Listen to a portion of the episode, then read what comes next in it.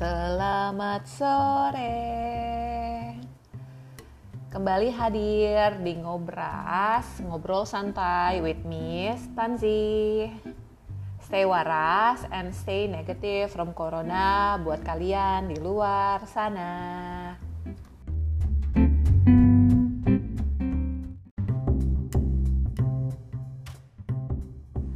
Untuk episode yang 9, gue pengen banget uh, membahas mengenai interracial dating. Dari dulu gue selalu pengen bahas, bahkan sebelum podcast gue muncul, yang gue kepikiran pertama kali adalah gue pengen nih ngebahas suatu hari tentang interracial dating menurut pandangan seorang Elisa.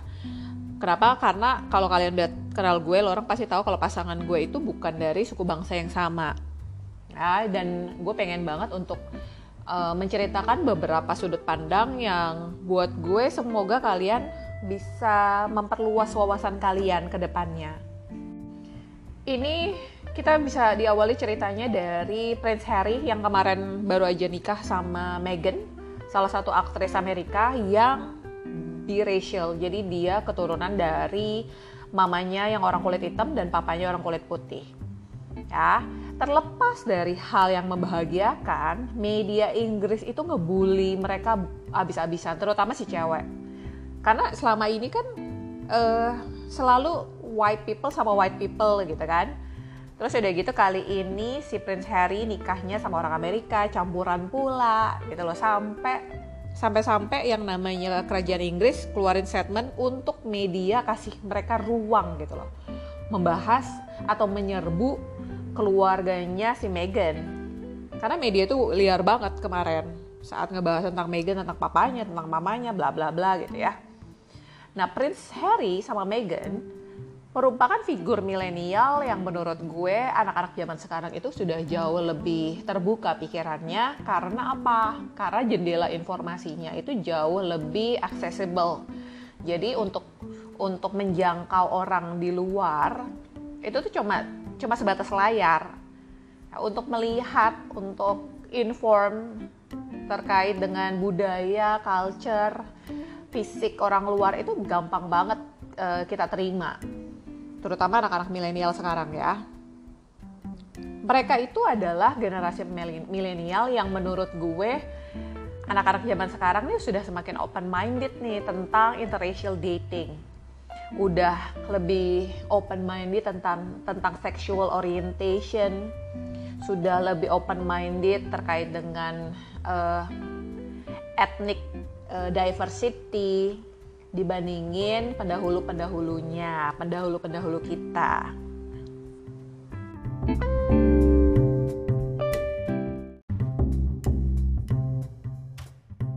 Kalau kita bicara tentang interracial dating, berarti kita bicara tentang ras, ya race.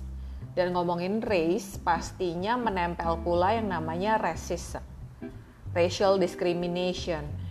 Racial discrimination berarti kita uh, bicara tentang stereotip yang menempel pada ras tertentu yang bisa membuat kita melihat mereka tidak sebagai human tapi dari stereo, stereotip label-label yang muncul saat kita melihat fisiknya mereka.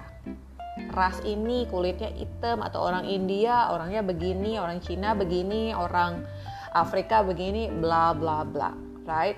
Kita pasti punya, itu susah banget dihindarin. Yang namanya racism karena kita orangnya sosial dan itu merupakan salah satu yang muncul secara jangka panjang.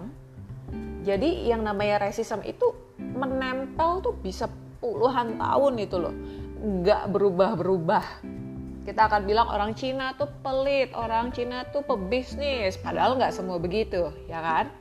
Nah, itu itu yang menarik dari interracial dating kalau menurut gue ada perbedaan yang cukup jelas saat kita bicara tipe lu tuh apa terkait dengan date atau tipe pasangan yang lu pengen dengan yang namanya racial discrimination.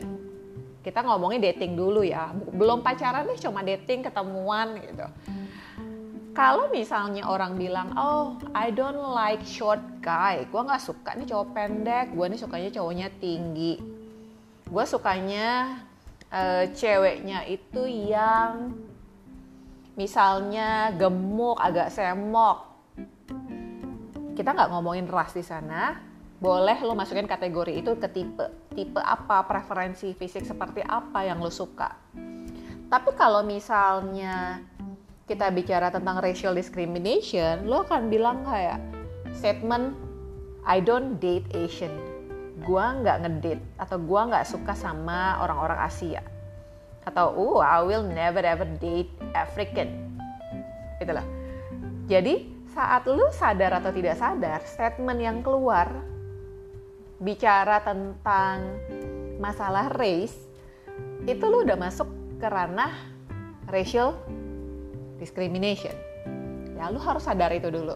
Harus banget sadar, kita harus lebih hati-hati apalagi zaman sekarang orang itu very touchy. Jadi gampang banget tersinggung. Terus juga omongan kita tuh bisa kesebar ke mana-mana. Dan lo harus sadar betul setiap statement yang lo keluarin itu maknanya apa. Ya. Nah, saat kita bicara tentang misalnya gini, itu kan tadi preferensi lo preferensi ada yang gue kategoriin sebagai tipe ada satu lagi yang masuknya racial discrimination statement-statement tadi yang yang I don't date ras inilah gue nggak mau sama ras ini bla bla bla ya. Tapi di satu sisi ada juga orang yang hanya mencari ras tertentu gengs. Untuk dijadikan pasangan atau bahkan sekedar untuk ngedate dia hanya mau tipenya atau orangnya rasnya ini. Spesifik loh bukan cuma bukan cuma tinggi pendek ya cuma rasnya maunya ini. Sering banget terutama orang-orang Indonesia. Orang Indonesia kalau melihat orang-orang Caucasian orang-orang white people kayak wow karena kita mentalnya mental zaman dulu yang dijajah sama orang Caucasian kali ya sama Belanda udah sekian abad. Jadi men mental kita tuh masih kayak ngelihat orang kulit putih tuh kayak aduh gue maunya ngedate sama orang bule aja ah. Kayaknya naik kasta gitu loh. Nah lucu sih itu. Soalnya gue sempat kepikiran kayak gitu kayak oh, I, wish. Kayak gue mau pasangan gue orang bule aja deh. Karena ada pikiran kayak gitu. Dan dulu kan kita nggak nyadar banget ya. Ada yang namanya white supremacy. White supremacy itu bicara tentang orang-orang kulit putih itu mereka bisa dapat privilege yang lebih tinggi daripada non white bisa jadi orang kulit brown brown people atau misalnya black people atau bahkan Asian. Ini sering banget gue temuin di Bali yang which is annoying banget buat gue. Saat lu saat kita datang ke satu restoran gue dilayanin dengan uh, standarnya A. Tapi kalau orang kulit putih, ya gue lihat ya memang tidak ke semua restoran atau tempat-tempat umum. Tapi yang gue lihat, why you treat them better sih daripada gue?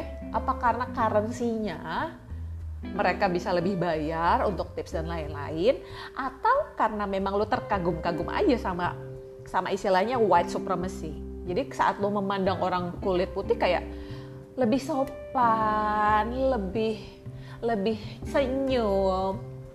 Coba deh, coba perhatiin deh. Ya. Jadi orang-orang yang mengejar ras tertentu untuk dijadikan pasangan atau bahkan untuk ditemui sebagai date-nya, itu kita bisa call atau kita bisa panggil itu sebagai fetish ethnicity. Fetish kamu tahu dong kalau bahasa seksualnya fetish itu bicara tentang lu punya keinginan desire yang cukup nyeleneh tanda kutip gitu ya. Lu baru bisa uh, misalnya kalau bahasa seksualnya baru bisa terangsang kalau misalnya lu cium kaki gitu ya. Sebutnya foot fetish. Ini ngomongin uh, istilahnya seksual ya. Ya food fetish. Kamu sukanya apa? Aku sukanya cium-cium tangan hand fetish misalnya gitu.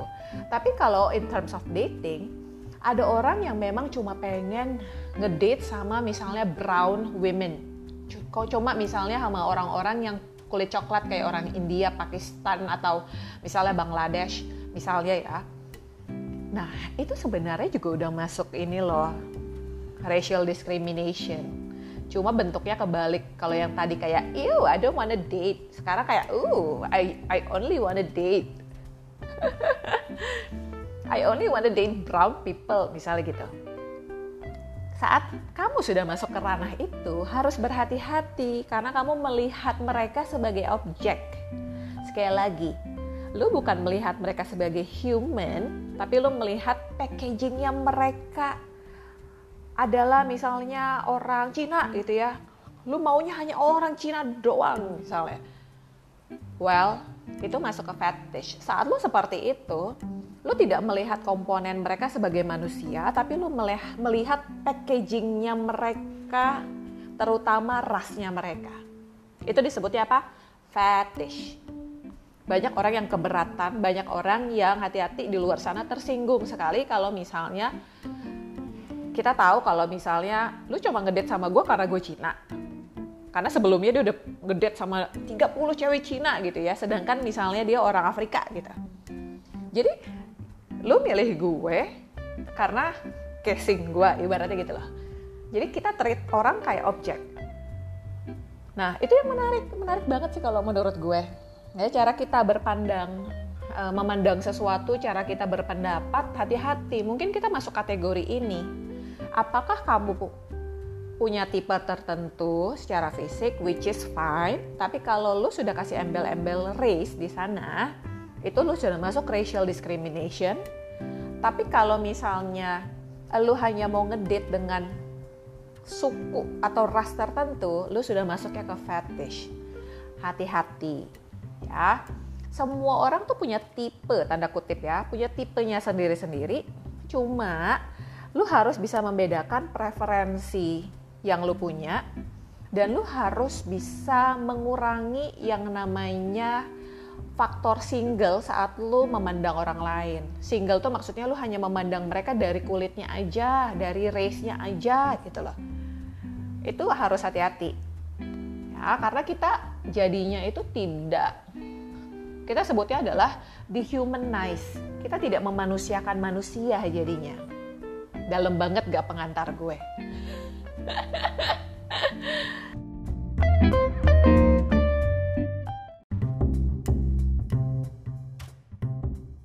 Tapi tapi Elisa aku tuh nggak suka kalau fisiknya itu beda sama aku. Aku sukanya sama suku tertentu yang kayak aku terutama. Well ya nggak apa-apa. Nggak apa-apa juga kalau misalnya seperti itu. Kan kadang-kadang kita nggak bisa milih ya kita tuh nggak bisa milih kita maunya suka sama siapa. Kadang-kadang kita mesti ketemu orang yang kira-kira akan ngebuat kita ngerasakan kayak butterflies in my tummy gitu. Kayak lu jadi aduh grogi nih. Aduh nervous nih ketemu dia karena lu suka secara fisiknya dia. Well ya ya wajar sih kalau banyak orang juga yang sampai sekarang hanya mau ngedate dengan uh, race-nya sendiri bukan karena pilihan tapi karena memang mereka sukanya ya seperti itu gitu loh. Ya nggak apa-apa. Tapi coba deh. Kalau misalnya kalian tertarik untuk ketemuan aja atau punya yang namanya interracial dating dan lu pengen kasih kesempatan gak ada waktu yang lebih baik lagi selain sekarang. Karena zaman sekarang itu gampang banget untuk ketemu orang yang di luar dari ras kita. Ya kenapa karena aksesnya tuh gampang banget sosial media lah online dating lah.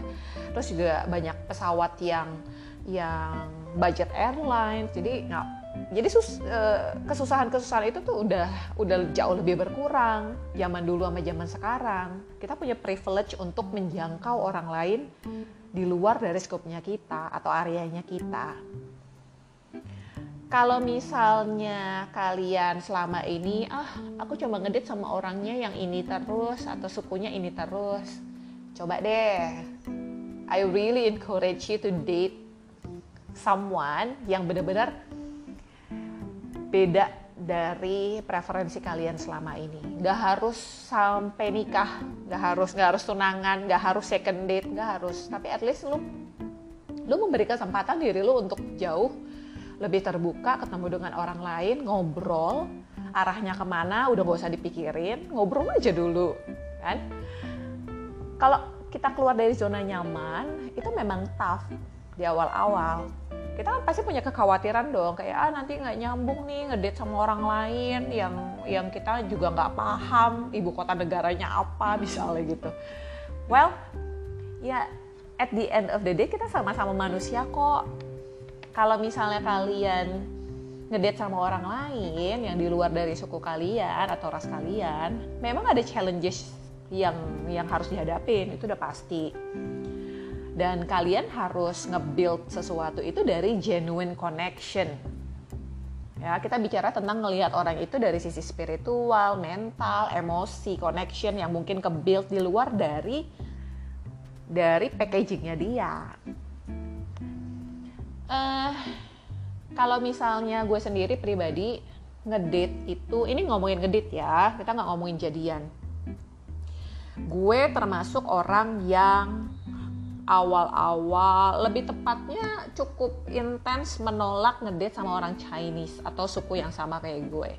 But but dengerin ya teman-teman gue atau bukan teman gue. Dengerin.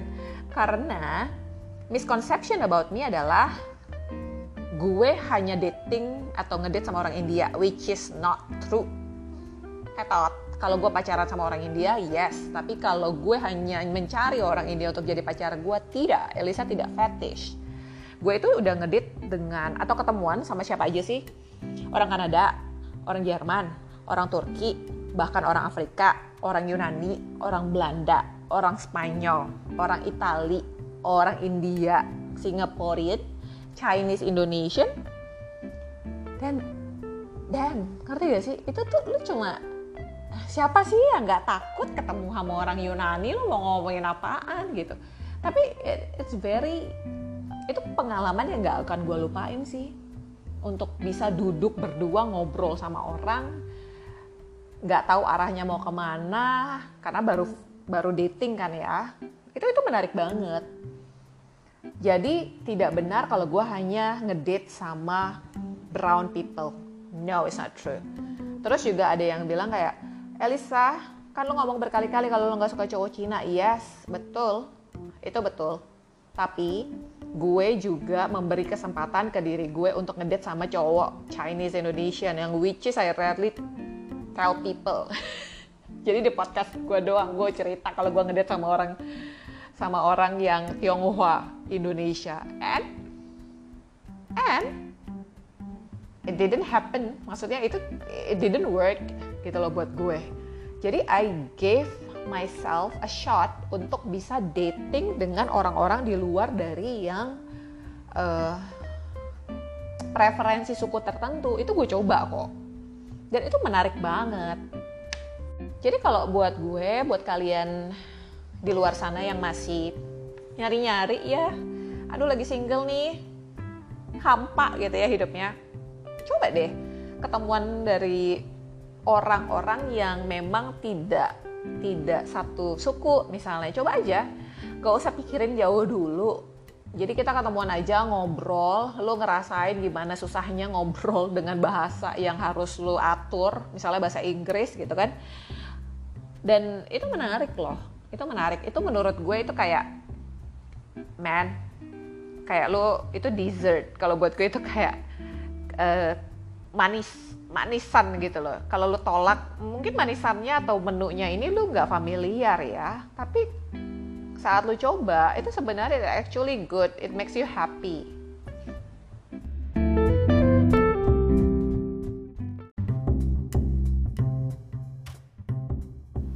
Kalau kita bicara tentang, aduh, tapi kan keluarga gue gini gini gini, hey, kalian pikir keluarga saya kayak gimana dulunya?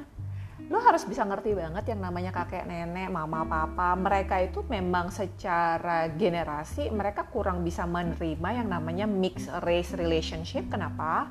Karena mereka itu tumbuh dan hidup di era yang benar-benar beda gitu loh dan mereka harus deal dengan yang namanya peperangan lah dengan namanya uh, zaman dulu itu benar-benar separate gitu kan Jadi kalau perang kan berarti suku A sama suku B atau negara A negara B gitu kan.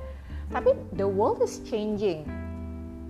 Ya, dan gue harus bilang kalau kita itu masing-masing bertanggung jawab atas kebahagiaan kita sendiri, bukan orang lain. Buat gue saat lu mengambil keputusan based on orang di luar dari diri lo, kebahagiaan lu tuh amat sangat tergantung dari orang lain. Jadi tidak di tangan lu sendiri, gitu loh. Jadi kita harus memberikan family and friends waktu dan space untuk menerima yang namanya relationship yang mungkin lo akan jalani dengan suku atau race di luar, di luar dari harapan mereka ya tapi mereka pada akhirnya harus belajar kok dan mungkin mereka butuh waktu ya untuk menyadari kalau yang namanya yang namanya race itu nggak harus selalu nggak enak kok. Beda beda race itu bukan berarti harmful. Bahaya. Nanti ini gimana nanti ini gimana nanti ini gimana. Ya kadang-kadang mereka mungkin bisa aja komen jahat. Jahat tanda kutip ya saat misalnya lo ngedit dengan orang di luar dari race lo. Karena itu yang gue alami di keluarga gue. Mak gue selalu bilang kayak hah jangan sama sorry ya sorry nih mohon maaf maafkan mama saya ya. Jangan ngedate sama Cina Medan nanti kayak bapak lu. Jangan ngedate sama Cina Kalimantan jangan ngedate sama Cina Benteng. Damn itu sama-sama Cina loh sama kayak gue. Mohon maaf juga saya pakai kata Cina ya. Tionghoa maksudnya. Jadi kita sama-sama Tionghoa aja. Kalau lu mau bedah yang namanya perbedaan gak ada habisnya men. Lu beda gang aja ya lu mungkin muka sama tinggalnya beda. Kalau mau lu lihat dari perbedaan bisa lu ributin gitu loh. Jadi udahlah. Itu nggak akan ada habisnya. Kita sebagai uh, young people yang mungkin kita juga produk dari campuran it's not that bad kan? Anak zaman sekarang tuh jarang banget loh yang single race loh dan gue cukup percaya kalau ke depannya bakal susah nih nemuin yang single race. Kenapa? Karena orang tuh udah banyak cross cross cross interracial dating interracial marriage. Ya kan?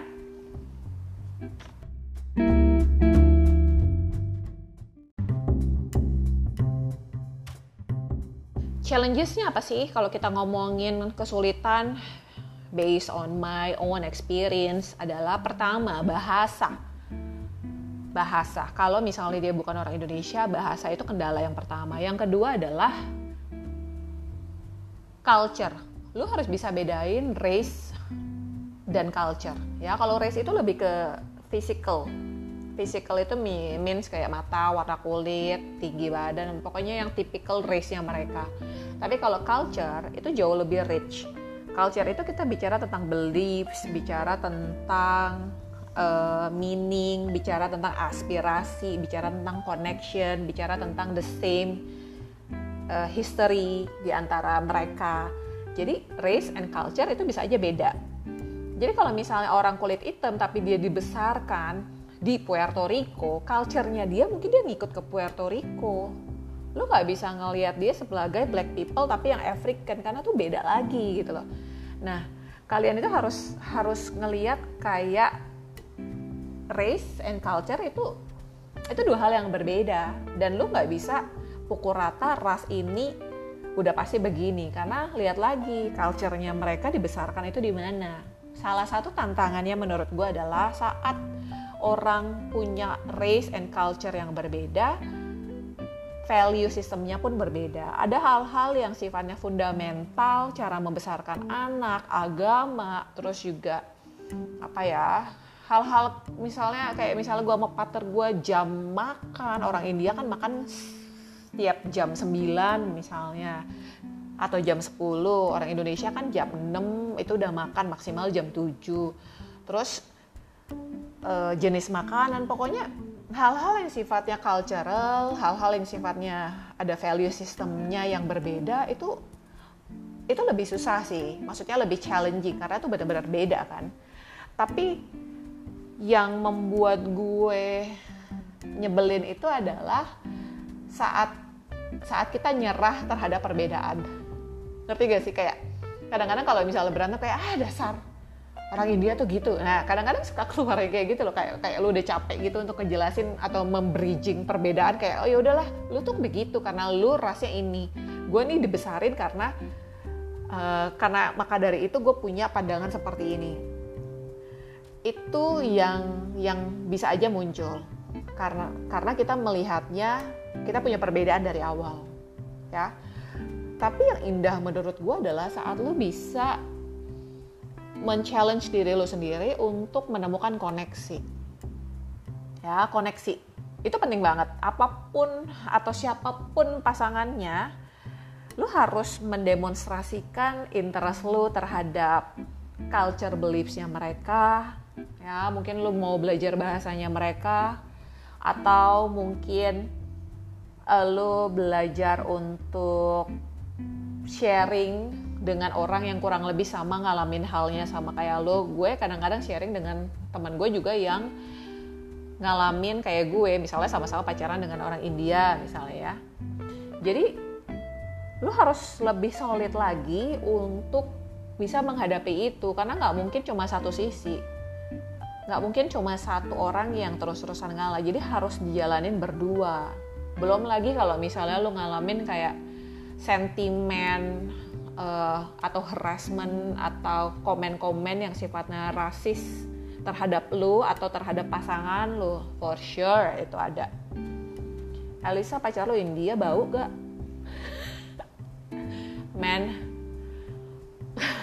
gue susah jelasin Elisa pacar lu Hindu ya?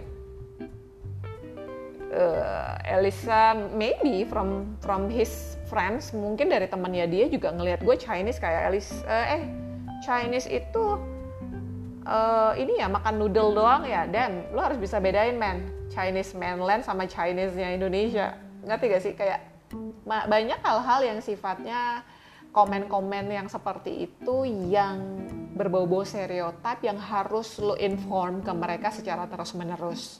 To be honest, itu bisa melelahkan sekali. To be honest itu bisa benar kayak lo harus ngejelasin kalau misalnya tidak semua orang ras tertentu itu seperti itu misalnya.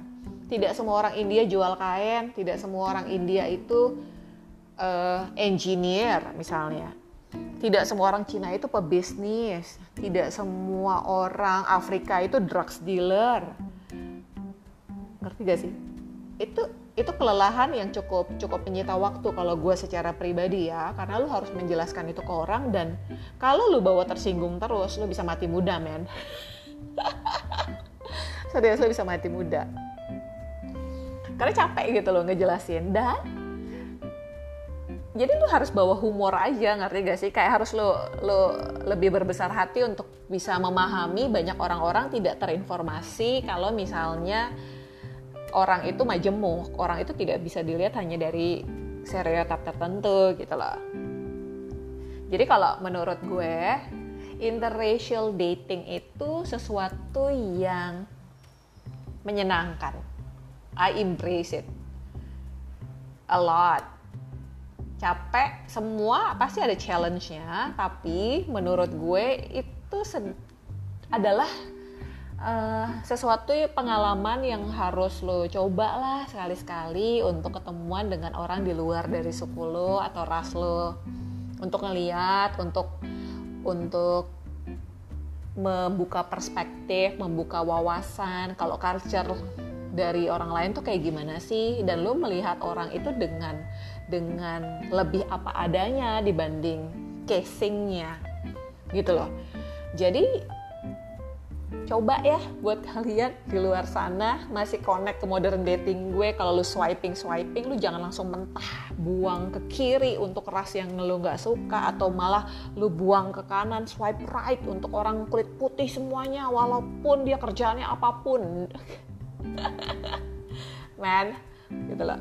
Jadi uh, gue sih pribadi enjoy really enjoy interracial dating itu menarik dengan orang lokal ya gue juga ngalamin kok pacaran dengan orang lokal tapi pada akhirnya kan pada akhirnya yang cocok sama lo itu bukan warna kulit yang cocok sama lo adalah personality values, terus juga deeper connection daripada warna kulit. Itu sih yang gue pelajarin. And I hope you guys understand. Saat lo orang ngalamin, lo orang akan bisa melihat warna yang sebenarnya dari orang lain. Jadi anggap aja di albino men, anggap aja di albino nggak ada warna. Atau lu nggak tahu ras dia apa, lu nggak tahu agama dia apa lo akan melihat diri dia apa adanya gitu tanpa ada embel-embel atau label-label yang menempel di sana karena lu juga nggak mau kan pasti di dianggap ah orang ini mah udah pasti begini. Kan lu nggak mau. Lu ada ruang yang pengen lu jelasin tentang diri lu lebih dari stereotip itu. So as a young people mari kita coba melihat dunia luar. Mari kita membuka perspektif kita. Salah satunya supaya apa? Supaya lo orang makin waras. Ya supaya lo orang makin waras supaya hidup lo orang jauh lebih berwarna ya itu adalah episode gue kali ini. Simple. Dan I hope you enjoy it ya. See you in next episode. And text me ya kalau lo orang ada cerita-cerita tentang dating interracial. Silakan. Stay waras and stay negative from corona buat kalian di luar sana. Bye.